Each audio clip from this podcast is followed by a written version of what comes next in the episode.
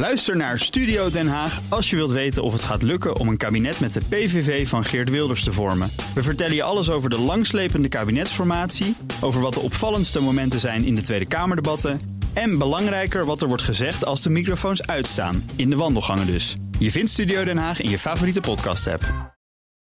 Auto-update. Het is maandag en uh, ja, Joe van Buurik is bij ons. Joe, goedemorgen. Hey Bas, hey Ivan. Je kunt nu autonoom rijden in je Tesla en dan betaal je maar 199 dollar per maand. Nou, het is een schijntje, maar moet je eerst wel die auto hebben gekocht. Ik wou het zeggen. Nou, dat sowieso inderdaad. Ja. Je moet de uh, Tesla hebben uh, met hardware 3.0. Mm -hmm. uh, en dan krijg je het full self-driving package. Dus met die abonnementsconstructie. Eerder kon het alleen als je eenmalig 10.000 dollar betaalde. Maar ja, we moeten eerlijk zijn, hè, dat zeggen we ook vaak. Het is niet echt volledig zelfrijdend. Nee, het is eigenlijk niet. een soort, soort, soort open beta van, van features. Je bent allemaal een soort, ja, soort guinea van Elon Musk. En dan maar zien of het echt werkt. Ja, ja. Nou, Dus, ik, ja. ja, ik ben heel uh, benieuwd, want dat is een beetje het van. Maar 199 euro per maand of dollar per maand. Ja. Dat is, daar kan je net Fiat 500 voor, uh, voor short leasen. Ja, het is een soort chauffeur, zo moet je het zien, hè, ja. eigenlijk. Of zo. Dus nee, het is eigenlijk gewoon een combinatie van uh, rijassistentiesystemen, de autopilot, auto lane change, het auto parkeren, het oproepen van je auto en het traffic light en stop sign herkensysteem. Ja, alles bij elkaar. Uh, op zich best leuk. Vooral het feit dat ze op deze manier proberen om nog meer mensen bij die ja, veredelde open beta te betrekken. Uh, vooralsnog trouwens alleen in de VS. Uh, in Nederland kun je wel de upgrade nemen voor 7500 euro. Um, of het ook met die abonnementsstructuur komt, is dan even afwachten. Ik zou toch niet willen dat ik in een open beta auto rij? Want dan ben je nee. dus inderdaad een soort proefkonijntje. Je betaalt zelf voor je ja. proefkonijn zijn. Ja. ja, dan, precies. Smart heeft een glimp over een nieuwe elektrische SUV.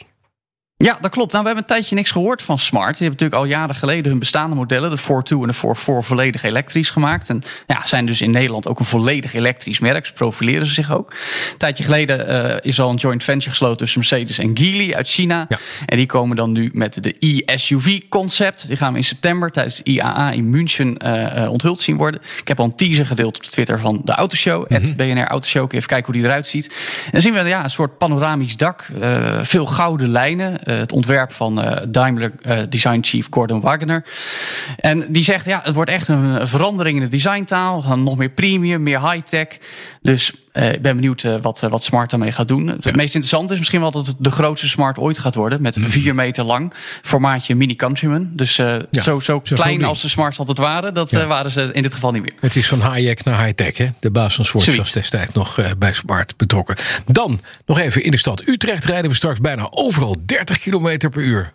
Wow. Ja, dat is vlak. Nou ja, dat is nogal een dingetje. Vlak voor nou. het weekend overigens. Me meerderheid van de gemeenteraad heeft daarmee ingestemd. En dat is dan voor de veiligheid natuurlijk. Volgens het SWOF daalt het aantal ernstige ongelukken dan met 20 tot 30 procent. Dat is op zich natuurlijk hartstikke goed. Ja.